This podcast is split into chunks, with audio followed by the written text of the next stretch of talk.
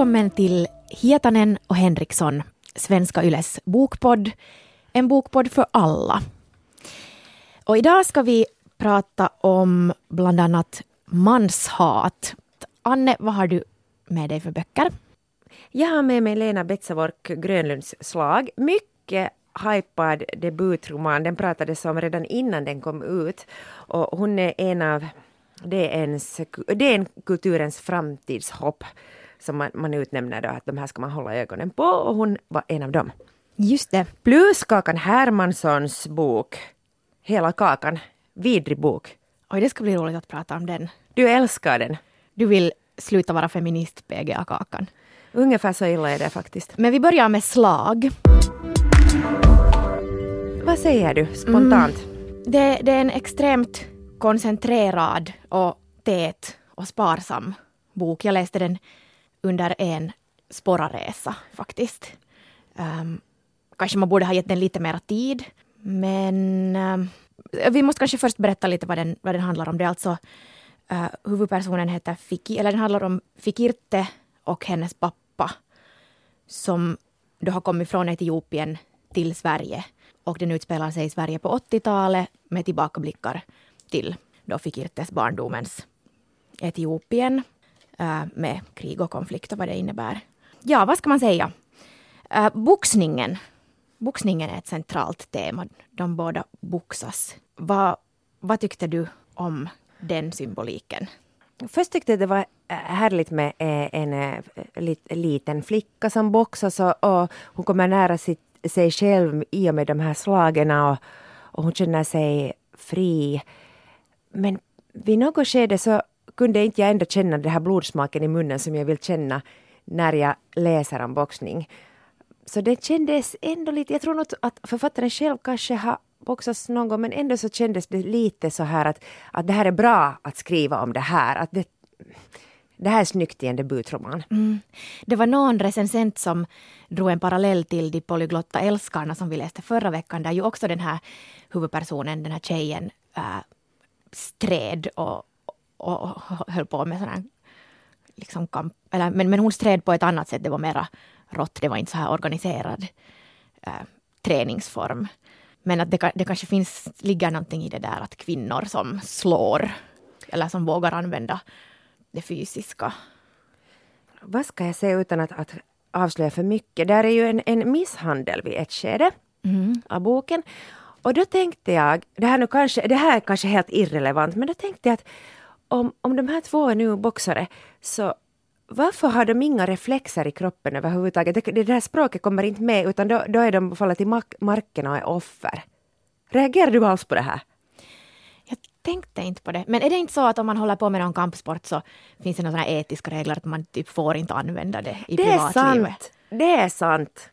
Men ja. intressant att du, jag tänkte inte alls Man på får det ju hårdare straff ifall man gör det. För mig var det här boxningen blev ändå lite, jag fick ingen smak av den. Och det tycker jag att hela boken för min del, så det fattades blod, svett och tårar. Och den var så stili, stilistiskt genomförd och så vacker att för mig blev den ganska intetsägande. Sen så ogillar jag jättemycket, det kommer alltid nu och då så kommer det några små få ord på amariska eller om det är tigrinska. Jag vet inte. Jag, jag, det var... Det, det var alltså helt... det språket som de pratar i Etiopien, Etiopien. Ja, huvudspråket. Och jag kunde inte begripa varför de var där. För mig var det sån här effektsökeri. För att jag försökte googla lite och jag tror att det är ungefär samma sak som hon säger då på amariska som hon sa på svenska. Och det här kändes inte alls viktigt eller riktigt för min del. Stördes du av det? Jag stördes inte av det men, men jag reflekterar nog kring det och jag tänkte att det kan ju vara fint att det finns sånt som vi som eh, äh, majoritetsbefolkning, eller då liksom som svenska talande majoritetsbefolkning, nå inte nu i Sverige men, men skulle kunna vara i Sverige, inte förstår, som, som inte är tillgängligt för oss i den här berättelsen, som ändå är ur ett lite annat kulturellt perspektiv än vårt. Att jag förstår idén. Mm -hmm. Men, men jag tyckte nog lite som du att det blev lite kanske forcerat. jag tyckte att man plockar poänger på något sätt. Alltså jag tänkte säga billiga poänger men det är ingen mm. billig poäng. Att, att, men okej, okay, låt gå. Sen så uh, märkte jag att okej, okay, det fanns nu måste jag kolla. Substantiv är namn på ting, till exempel boll och ring. Adjektiven sen och slär hurdana tingen är. Okej, okay, det finns inga adjektiv nästan i den här boken. Och det får man ju lära sig på första gången man på, på, går på en skrivkurs så får man genast lära sig inga adjektiv, adjektivsjukan och, och, och här fanns nu några få men hmm, det var liksom alla regler, allt var rätt gjort och det störde mig. Jag, nästa, jag tror att jag älskar de där imperfektionerna i böcker. Och ibland säger jag att någon bok är för pratig men här fanns ju ingen pratighet. Okej, okay, det fanns en kritiker läste jag som tyckte att vissa stycken föll ut för att de var för pratiga. Uh, jag skulle gärna vilja haft mer pratighet. Nej, men det är för att det, det alltså finns på riktigt bara några rader text per sida. Alltså liksom fem rader eller tio rader. Att, att det är så extremt genomtänkt och allt onödigt har skalats bort. Så sen mm. det lilla också som lite går utanför den där formen blir, blir jättetydligt. Jag tänkte, när, med tanke på den här formen, så tänk, tänkte jag lite på Jonas Hassen Kemiris Jag ringer mina bröder, som också var en väldigt koncentrerad kort roman. Jag har inte läst den. Är det hans nyaste? Nej, den är, den är nog lite äldre. Är det, är det prosa, lyrik? Ja, det är liksom någon slags mellanting. Och gillar du den? Jag gillar den nog mer än den här. Den hade en tydligare egen ton. Men jag gillar nog slag också, alltså eh, det här poetiska som, som kommer. Hon, hon skriver jättemycket om vatten i olika former. Regn, snö, is, havet, hur hon är rädd för havet. Men vi är båda hav. Hon talar sin pappa, sig själv och sin pappa när de har, har flytt då över havet. Och, och sen mot slutet av boken förvandlas det här vattnet till tårar. Det gillar jag jättemycket. Det lärde jag mig att hav är bar på amariska, för som du säger så det kommer så väldigt ofta in där. Och jag undrar, för mig blev det inte klart, nu kan det hända att jag är super, mm, ja, att jag läste den för slarvigt, men för mig kom det inte riktigt exakt fram att hur mycket, att, var står hon? Det handlar ju mycket om det här kriget mellan Eritrea och Etiopien. Och sen så, jag vet inte, men jag får en filis av att mamman var från Eritrea. För att mamma säger på något ställe att man får inte avslöja sitt ursprung. Att fast man har stridit på etiopiernas sida så kan man inte vistas i Etiopien om man har eritreanskt ursprung. Och jag blev vansinnigt intresserad av det här kriget. Och, och jag kollade lite och det var så att FN år 1950 bestämde sig för att Eritrea och Etiopien skulle vara de skulle gå ihop. Och då var det så att Italia, italienarna hade ju invaderat äh, Eritrea. Och Eritrea är ju väldigt litet, det ligger där äh, strategiskt fint och, och norr om Etiopien och de har kontakt med havet, och Röda havet. Och det var sådär väldigt blomstrande och fint. Det måste ju vara britterna då som tog Etiopien. Och, och Etiopien, Haile Selassie, kejsaren, så han ville ha det där havet och för att det skulle ha räddat Etiopien som haft det väldigt svårt. Så, så det var det längsta afrikanska kriget. Då måste man tänka att där är ju krig det finns ju aldrig fred nästan någonstans, så de har haft det längsta kriget mellan Eritrea och Etiopien, 30 år. Och samtidigt är det ändå samma, många sätt det som samma land ändå. Och, och man kallar kriget som ett inbördeskrig. Och det, är väldigt, det diskuteras i boken också att man vet inte riktigt att de där två olika sidorna, det är väldigt komplicerat. Och jag blev väldigt nyfiken, jag skulle vilja veta allt om det här. Och jag, det, det, det var behållningen för min del i den här boken. Fick du någonting då? Bara när jag började tänka på Finland och vårt inbördeskrig och, och hur lite jag vet om världen. Mm. Och hur stort Finland är för mig och varenda en detalj som har hänt oss här i Finland. Och, och så bara tänkte jag att jag har aldrig varit riktigt intresserad av historia men jag, den här boken fick mig att bli lite intresserad. Och det är en ganska stor sak, för tänk om man skulle få ett vansinnigt stort historieintresse. Då kunde man ut, underhålla sig hela det här livet och, och sen alla andra som följer därefter. Hoppas inte, jag hoppas jag dör ner där. Ja, mm. men, men det är nog sant att eller jag tycker att hon med, med väldigt, väldigt små medel öppnar upp den där, de där, den där världen och de där tillbakablickarna. Men inte jag förstår den. Jag förstår inte alls det till exempel kalvarna återkommer hela tiden. När man för vatten åt kalvarna. Och Haile Selassie sa att, att det var vid något skede när Eritrea, var det då när FN sa att Eritrea ska då höra ihop med Etiopien, så sa han att nu kommer kalvarna tillbaks till mamma. Så är det så att allt som skrivs i den här boken, är det allt en metafor för något annat som jag inte förstår? Jag vet inte. Eller är kalvarna bara kalvar? Men är det inte ganska spännande att vi inte alltid är de som är i centrum? Att det inte är våra kulturella referenser, utan det är någonting som... Och då kan man ju också um, relatera till den känslan som den här huvudpersonen och pappan har haft när de har kommit till Sverige. Usch att du ska börja övertala mig på det där sättet. För att, ja, ja, nu har du fått mig att uh, godkänna att där är amariska. Bra. Och, och att, att, få vara, att få känna den där hur det känns att inte förstå.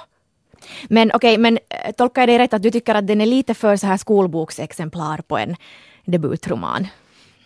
Ja, och sen är den för ändå hur ska vi säga, koncentrerad, att jag förstår inte vad hon egentligen säger. Åh, oh, vad fruktansvärd mm. känsla, men också hälsosam. Ja, det där med adjektiven som du sa, jag är nog en sucker för många och beskrivande adjektiv. Så inte skulle jag gilla att läsa bara sån här litteratur.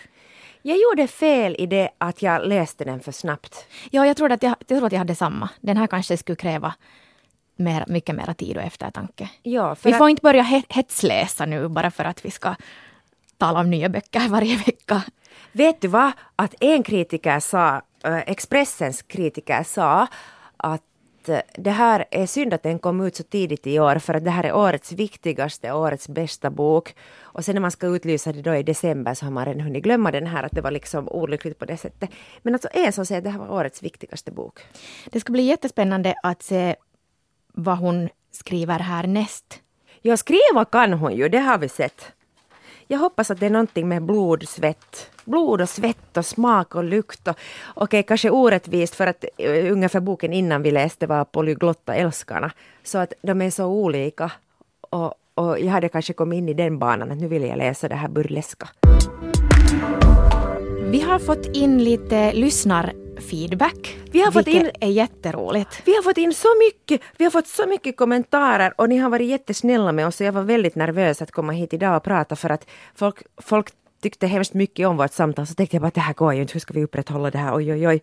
Men tack till alla som hört av sig. Ni skriver till ida.henriksson snabbelayle.fi eller anne.hietanen snabbelayle.fi. Jag har aldrig inte använt snabbela-ordet på länge. Det är jättegulligt.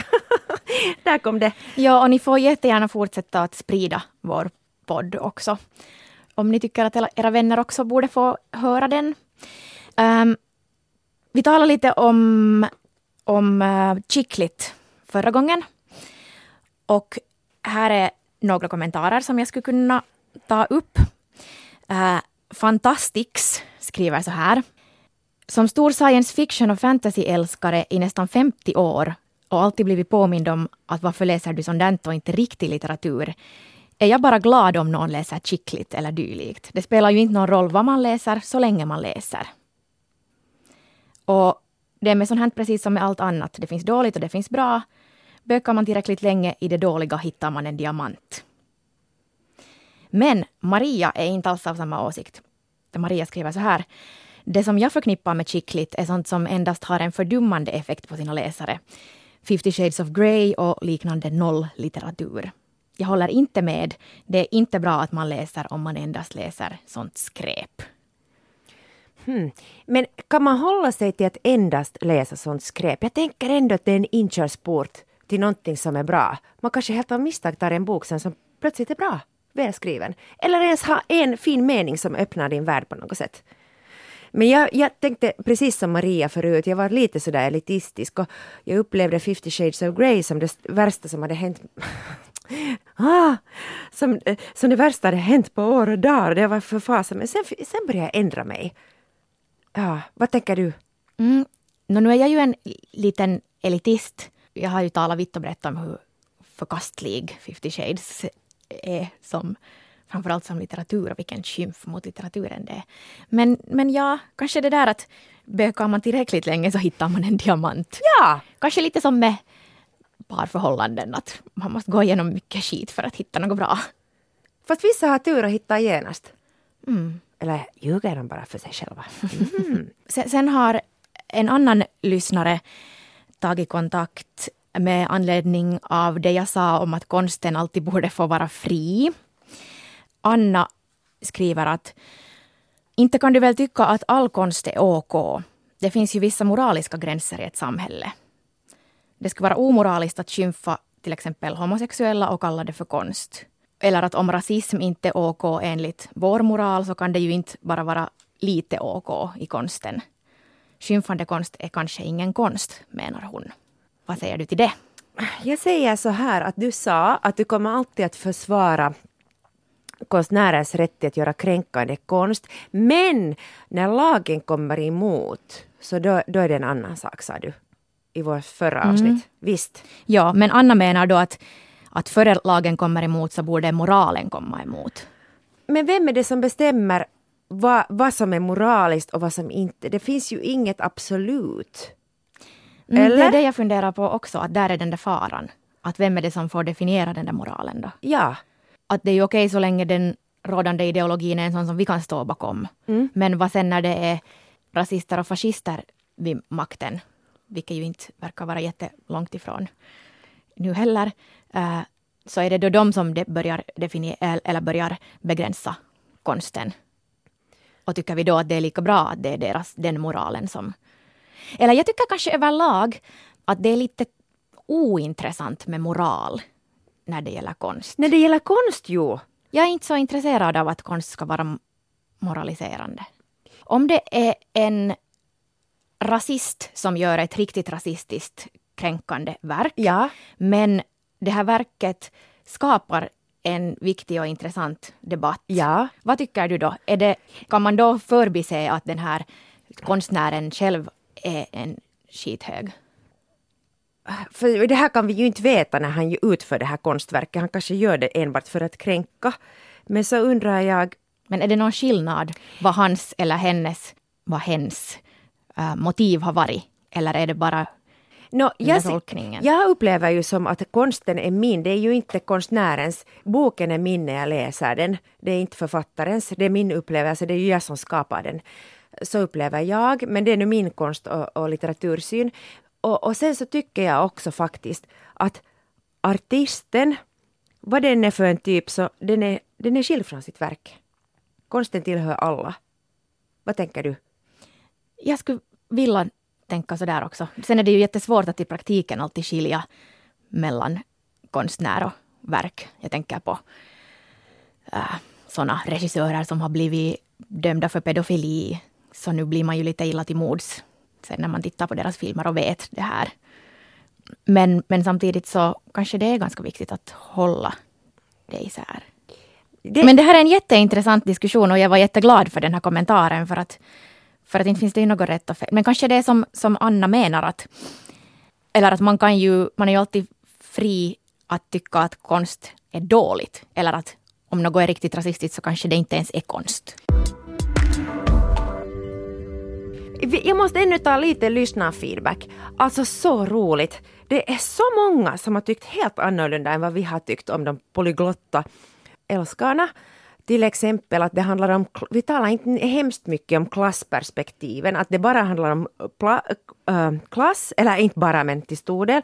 Plus att Elinor tyckte vi båda faktiskt att hon var ganska sådär konst annorlunda, att man kunde inte riktigt förstå hennes motiv. Och Katarina Salo skrev på sin blogg att hon är mm, i kommentarsfältet, hon är ju som vilken österbottnisk kvinna som helst. Vet du, man, man är nu lite här och där. Oj, det ska vara så roligt att, att höra allas invändningar. Jag vet. Tack för att ni skriver åt oss. Det, det är superfint att och någon dag, måste, ja, och någon dag måste vi ha det här som en utvidgad bokklubb. Att, att vi har uh, guest stars. Ja, kan inte vi bjuda in till någon sån här vinkväll där alla bara får... Sa du vin? jag tänker så mycket på alkohol. Okej, Jag tänker på mat och kakor. Kakan är väl vår nästa bok. Snyggt Anne! Tyckte du det? Tyckte du det? Jag planerade en vecka. Mums! Jag har sett den här boken först i din bokhylla och tänkt att vilken snygg bok, att det här vill jag läsa. Kakan Hermansson är känd i folkhemmet i Sverige. Hon, hon började som en uh, rabiat feminist och där är hon fortfarande. Men sen så underligt nog, och jag, visar, jag tycker att det här visar på hur långt man ändå har kommit. För att hon, hon är med På spåret, hon är i alla sådana här lek och smekprogram på TV. Så folk har nog tagit henne till sitt hjärta. Däremot säger hon att hon slutar på Sveriges Television på grund av allt hat som hon fick. Att hon slutar därför. Men hon är nog folkkär ändå, måste jag säga. Ja, hon är både älskad och hatad. Ja, men vem är nu inte det som är folkkär? Så den får ju Mm. också en hink med, med det där annat där i, tillsammans. Men det här är helt enkelt en um, samling olika kolumner och utvidgade kolumner. Hela kakan heter den. Ljuvligt namn. Ja, och den innehåller de olika kapitel som börjar med hennes barndom och familj, nej men det kanske inte börjar där, men att det handlar om hennes uppväxt och familjeförhållanden. Fruktansvärt ointressant. Alltså, kanske om man ser henne, om man gillar henne jättemycket så kanske det är intressant att höra varifrån hon kommer och varför. Eh, Jag tyckte att det, det, var inte verkligen alls intressant. Och sen är hon, keramiker, man kan säga, säger man keramiker? Hur säger man? Jag har alltid talat om keramik. Tack! Och keramik, hennes förhållande till keramik, vilket är mycket intressant eftersom det är en ganska sådär förbisedd konstform, men jag kunde inte gripas av det. Och sen är hon väldigt... Det handlar om en sak, hon är kränkt. Hon är så kränkt att jag lyssnade på det här som ljudbok och jag var livrädd. Alltså jag gick hukande omkring när jag hörde på hennes röst och förbannelser. Och jag tänkte förlåt, förlåt, förlåt, tänkte jag i början, för jag tänker alltid att nu har jag fel. Och så tänkte jag till slut tänkte jag att, att det är sådana som Kakan som gör att jag inte vill vara feminist längre. Känner du dig liksom otillräcklig eller, eller vad är det? Känner du liksom att hon kritiserar dig? Ja, och, och, och det gör hon. Hon, hon ser på hela världen som att den är ute efter att förgöra kvinnor. Jag vet att min personliga erfarenhet inte är viktig, men jag har aldrig känt mig mindre värd än en man. Jag har aldrig varit rädd för, för våld av män. Jag, jag, har inte, jag har liksom levt i min lilla lyckliga bu bubbla i 42 år och sen har jag lärt mig att min personliga erfarenhet inte är viktig och jag har tagit det här till mitt hjärta och jag vet att jag måste vara feminist för att alla har inte det här eh, de flesta kvinnor har inte upplevt det så som jag har gjort. Så jag har lärt mig det här, jag har lärt mig till och med vokabulären. Och så kommer Kakan och säger bara, det här räcker ingenstans. Det här räcker ingenstans, du fattar ingenting. Nå, usch vad hemskt att den får sådär motsatt verkan. För att för mig, för mig var den här jätteupplyftande och jag var sådär yes, ljuvliga Kakan, jag älskar dig. Jag kände inte till henne före, före jag läste den här, eller liksom hade hört hennes namn men jag visste inte riktigt vem hon var. Men det är ju dumt om det slår emot.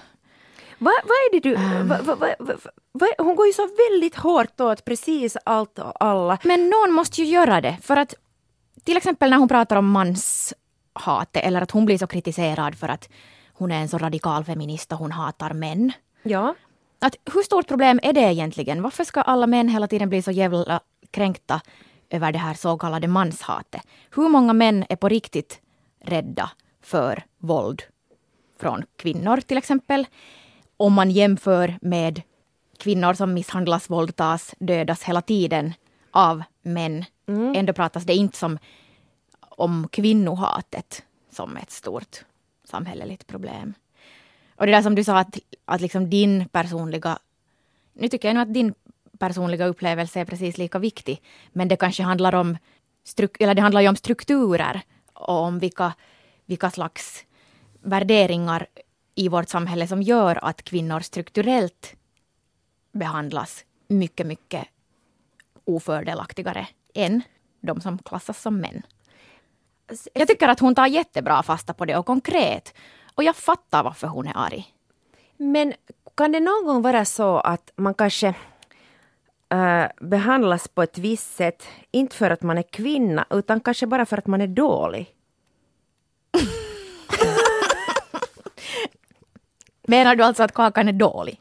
Nej, nej men, men det som jag kanske opponerar mig mest mot är att den är så väldigt historielös. Hon, hon tittar bara från sitt eget perspektiv. Hon är väldigt utsatt. Okej, okay, hon är äh, lesbisk och hon ser inte ut exakt som den rådande idealen föreskriver. Det vill säga att man ska vara väldigt, väldigt sportig och vad är det nu annat? Det, liksom hon, hon kämpar mot jättemycket olika. Jag förstår, att hon är, jag förstår att hon är kränkt. Men kan hon någon gång lyfta blicken någonstans? Okej, okay, det där fattar jag. Yes. Ja. Ja.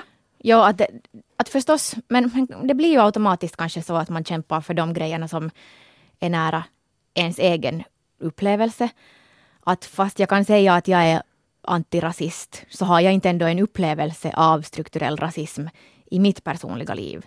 Så därför kanske jag kämpar, ja, ja men nu är det ju också vår, vår skyldighet att kämpa för sånt som vi inte själva har upplevt. Men Kakan har ju upplevt så mycket förtryck, så hon kämpar ju mot en massa olika grejer. Mm. Är inte bra då att hon lyfter jag håller med nog dig om det här att den blir alldeles för personlig och det är supertråkigt. Jag orkar inte läsa om hennes liksom, privatliv. Men är det så också att hon har gått in i den här känslan av att vara kränkt så pass mycket att det blivit hela hennes identitet. Hon sitter på Bromma flygfält och så får hon en semla som är svettig och torr och då är hon redan kränkt. Men du blir nu jättekränkt av hennes kränkthet. men, men ja, det här är ju väl det som folk provoceras av när det gäller henne. Mm. Men jag tycker att hon ändå ställvis, eller ungefär i hälften av de här exemplen som inte är jättepersonliga. Eller då när hon lyckas lyfta det där personliga och göra det till ett exempel för en struktur. Så då, då är det helt guld. Till exempel när hon äh, skriver om hur hon som lesbisk ähm, det svåra med att, med att hon och hennes kärlek hela tiden sexualiseras. Och att hon tycker att det det är ganska kränkande att heterokvinnor kallar sina väninnor för wifey och girlfriend. När hon i sitt vardagliga liv kämpar med att inte alltid kunna öppet hålla sin flickvän i handen. Och det där det, det kapitlet tyckte jag till exempel jättemycket om. Och, och kunde känna igen mig i det där att hur då när jag själv har varit i ett förhållande med en tjej så har det genast automatiskt sexualiserats mycket mer än om det är en kille och en tjej som går på stan så inte funderar vi ju på att, att uh, hur, hur många de har sex. Eller att hon, hon på något sätt kunde konkret ta fasta på sådana grejer som man alltid inte ens fattar att varför det lite skaver. Ah, PGA, en, en patriarkal samhällsstruktur. Men nu förklarar du det här mycket bättre än vad Kakan gjorde. Jag minns att jag, var, jag hörde det här i, i en butik och jag shoppade och hon säger att, att, att, att, hon blir så kränkt när folk kallar då sin tjejkompis för wifi. Jag bara förlåt, för jag fattar, man gör ju det av obetänksamhet och jag tänkte att nej, måste jag, jag blev liksom så handfallen att hur ska jag eh, navigera i det här? Okej, okej, det är inget stort problem, men hur ska jag navigera när liksom man kränker utan att mena någonting? Och där tycker jag att man kunde göra en skillnad, att när det på riktigt Eh, eh, är det sagt i vilket form av uppsåt? Är det för att, att man vill kränka, förtrycka och förgöra eller är det av obetänksamhet? No, absolut. Och alla använder vi ju kränkande ord och uttryck hela tiden. Och jag tycker inte att man ska bli någon slags sån där PK-polis heller och, och, och liksom förbjuda allting. Men kanske bara det där att, att det är ju en annan sak att om man vet att okej, okay, det här kan uppfattas kränkande av någon eller men inte kan man ju hela tiden gå omkring och akta sig. Det tycker jag nu inte heller. Jag börjar fundera att, att vem ska läsa den här boken? För att om jag, jag, har, jag läste den med de bästa av intentioner och ändå blev jag li, eh, väldigt ledsen och, och nedslagen. Ja, kanske den här är inte någon grundkurs i feminism, men samtidigt är den ändå det.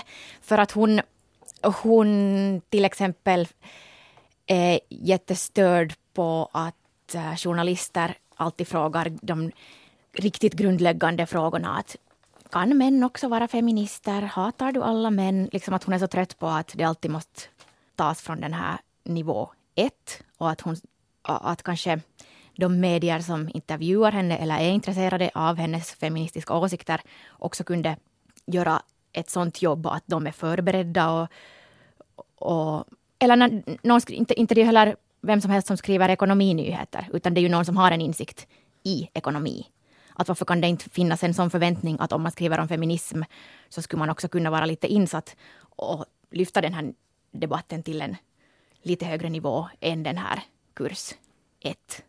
Men det tar tid, allt tar tid. Tänk att vi ändå har, vi, vi är alla ändå med i kurs 1. Men därför tycker jag kanske om Kakan för att den ger lite mera. Den ger kanske en, en lite fortsättningskurs också för de som redan är insatta. Du har helt rätt, det här är fortsättningskursen och det, det var nu för mycket för mig. Jag, jag ska ta upp den här igen om fem tio år och se att hur jag landar i det här. Men jag tycker att det där är fascinerande att den liksom tog lite bort av din feministiska glädje. För jo. då har hon ju nog misslyckats. Jo, men, men det här är nu bara min, min personliga och jag vet att jag har varit jättebortskämd. Att jag, jag tänker aldrig på mitt kön. Alltså kan du fatta hur, hur, hur att det finns No, inte aldrig, men, men ja, nej, nej, inte det är ett problem för mig att jag är en kvinna. Och, och, och, och att det här finns också i samhället. Absolut. Inte tänkte jag kanske heller så mycket på det tidigare. Men sen ju mer jag har studerat genusvetenskap så desto mer har jag börjat tänka på saker via det. Som kanske inte automatiskt har varit problem för mig personligen. Men sen har jag ändå börjat, för att jag hela tiden har det perspektivet, så kan jag också analysera saker via mm. det. Men, men nu är det ju jätteskönt och ja, som du sa, privilegierat om man inte behöver fundera på det. Good for you! No, vet det, är ju här, alltså det är ju det som man skulle hoppas, det är ju utopin. Jo, men, och sen har jag ju nog förstås rannsakat mig själv och tänkt att är det så att jag är så otroligt hjärntvättad av patriarkatet att jag låtsas att jag inte... Men inte du är ju dum i huvudet eller ignorant att nu vet du ju de här grejerna. Mm, men tänk om jag Vet du vad jag menar? Jo, jo, jo. jag på något sätt bara blivit lurad. Men, men, vet du, en sån här sak. Uh, usch, det här är så hemskt. Till exempel när män har tafsat på mig. Så min spontana reaktion är att, att det är som fluggusurr i mina... Alltså det som är helt irrelevant. Eller sen så blir jag kanske glad. Men det är också okej. Okay. men det känns inte okej okay när jag läser Kakans bok. Det känns sådär att, nej men uh, va? Vad är det för fel på mig? Nej, men det är ju inte dig det är fel på. Kakan har nu bara skrivit ett manifest om sin, sin feminism. Det, det, det är så som man ska läsa den och plus som en fortsättningskurs. Eh, en liten fråga, vad tyckte du om Sex and the City-avsnittet? Jag älskar det, jag, för att jag är så fascinerad av allt som har med Sex and the City att göra. Sex and the City är min sån där tröstserie. Jag ser den minst en gång per år, hela, alla säsonger. Oftast när jag mår dåligt och den hjälper mig alltid. Fast den är helt vidrig och har en alldeles vidrig kvinnosyn och, mycket problematisk på många sätt. Så jag, jag njöt av hennes analys av de här olika karaktärerna. Okej. Okay. Okay. Jag, jag, Vad tyckte du? Nej, jag tyckte att den var välskriven, men så tänkte jag att varför är den analysen med i en bok som kommer ut nu? Att det, var kanske, det var kanske relevant för 15 år sedan när serien kom. Men okej, okay, den går i repris ofta. Men kanske för att det har blivit en sån kultserie som feminister älskar att hata och hatar att älska.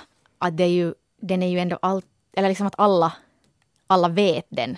Och då är det ju lätt att ta den som ett exempel. Jag har nu i handen eh, en bok som jag ser att vår producent har skrivit sitt namn i, Kia Svetihin.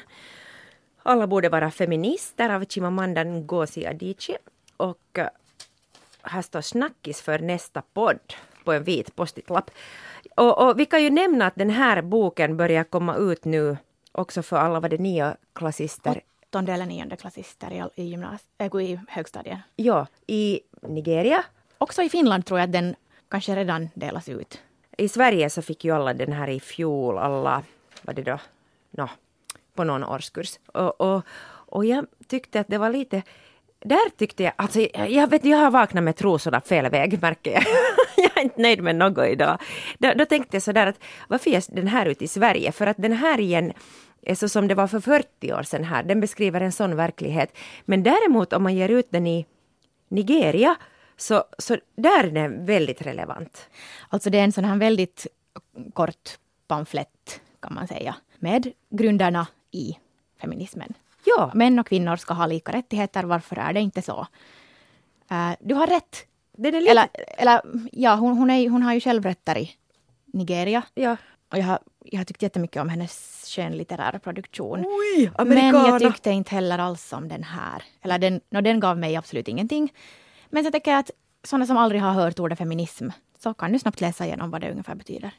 Men, men för våra förhållanden så är det väldigt daterad. Gudskelov! Alltså, och, och, och det, det, det ska vi fira. Och därför är det ju helt skrattretande att äh, Sanna Ukkola skrev en kolumn för Yle där hon tyckte att, att det är ideologisk propaganda att dela ut en, en bok om, om feminism i skolorna. Jag menar, det här är ju inte, det här är ju, den, den är verkligen inte, inte ens på något sätt radikal, utan den säger bara att män och kvinnor ska få ha, eller, ska få ha samma rättigheter.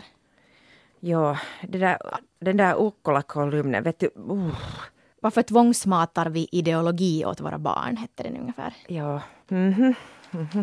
Men det är ju inte som om vi inte skulle ha blivit tvångsmatade med alla möjliga ideologier redan hittills. Att om den rådande ideologin har varit att, att pojkar är så här och flickor är så här, så är det inte då okej att också dela ut en liten minipamflett där någon säger att hmm, kanske man inte behöver alltid dela upp enligt. Ja.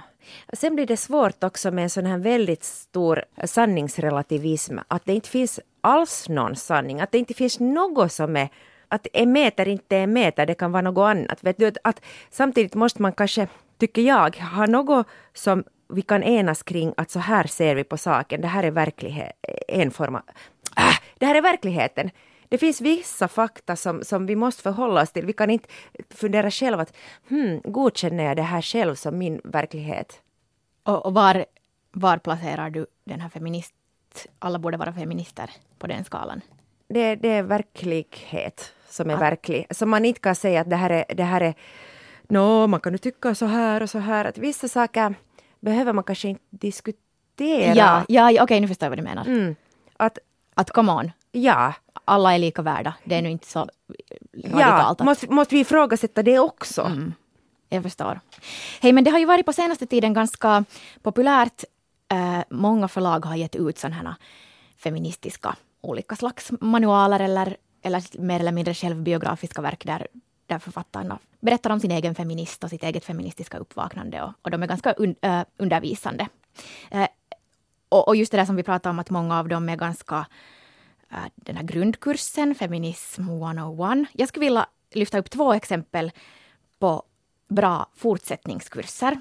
Uh, Ordfront har gett ut Emer O'Tools bok Girls will be girls som på ett jätte... Eh, alltså om man har läst till exempel Judith Butler som menar att kön är en social konstruktion, alltså att, att det om vi är födda som flickor eller pojkar eller någonting annat inte, inte liksom det vi borde koncentrera oss på utan hur kön, liksom hur vi bygger upp det enligt, enligt hur vi beter oss och hur vi förväntas vara.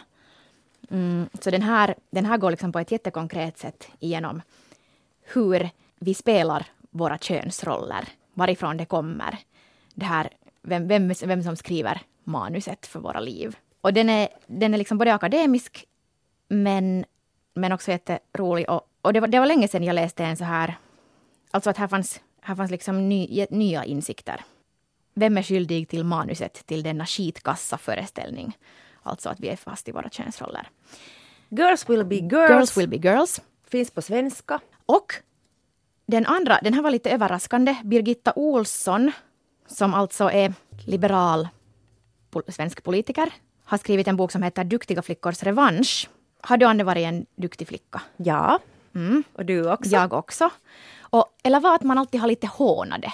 Eller sådär, det är inte så coolt att vara en duktig flicka. Det är lite sådär nördigt och Jo, men jag visste inte när jag, var, när jag var duktig flicka. Jag har fått höra det nu efteråt. Jag fattar inte att det var inte Oj, men coolt. igen har du varit sådär ljuvligt opåverkad av. Omedveten, ja, ja. Nej, men det är ju det, är ju det bästa. Men vis, du visste om det? Nej, men jag visste om det för att jag har sen insjuknat i alla möjliga ätstörningar och då har det alltid lagts, eller liksom talats om det här att ja, men att det är för att du är en sån där duktig flicka att, att du, vet du, det leder till anorexi och det leder till det och det att du borde sluta prestera, du borde sluta uh, försöka så hårt. Och jag har trott på det där. har varit sådär att okej, okay, att det är mitt eget fel att, vitsi, att jag, jag ska nog försöka kanske lite mindre. Och, Nej men, ja. och, och nu, liksom, nu är jag 30 år och så läser jag Duktiga flickors revansch och då inser jag, ah, kanske det, inte, kanske det är okej okay att vara prestationsinriktad och duktig. Att problemet kanske inte jag utan samhället runt omkring. Så det här var en rolig, rolig bok. Jag är, den, den, den är nog ganska politiskt, är jag nu kanske inte på samma linje som hon, utan ja, men, men här finns mycket bra, till exempel att den slår, slår helt konkret hål på myter om duktighet. Just att duktiga flickor får anorexi. Så bevisar hon med hänvisningar till forskning att nej, det är inte så. Dukt, hon, duktiga flickor är psykiskt sköra. Falskt. Du har massor med hundöron i den här boken, det ser helt underbart ut. Ja. Så där ska en bok läsas. Kanske ändå borde ta tag i den, man får alltså fortsätta att vara duktig. Ja, en hyllning till den duktiga flickan och att duktighet är ingen sjukdom. Den här är helt splitterny.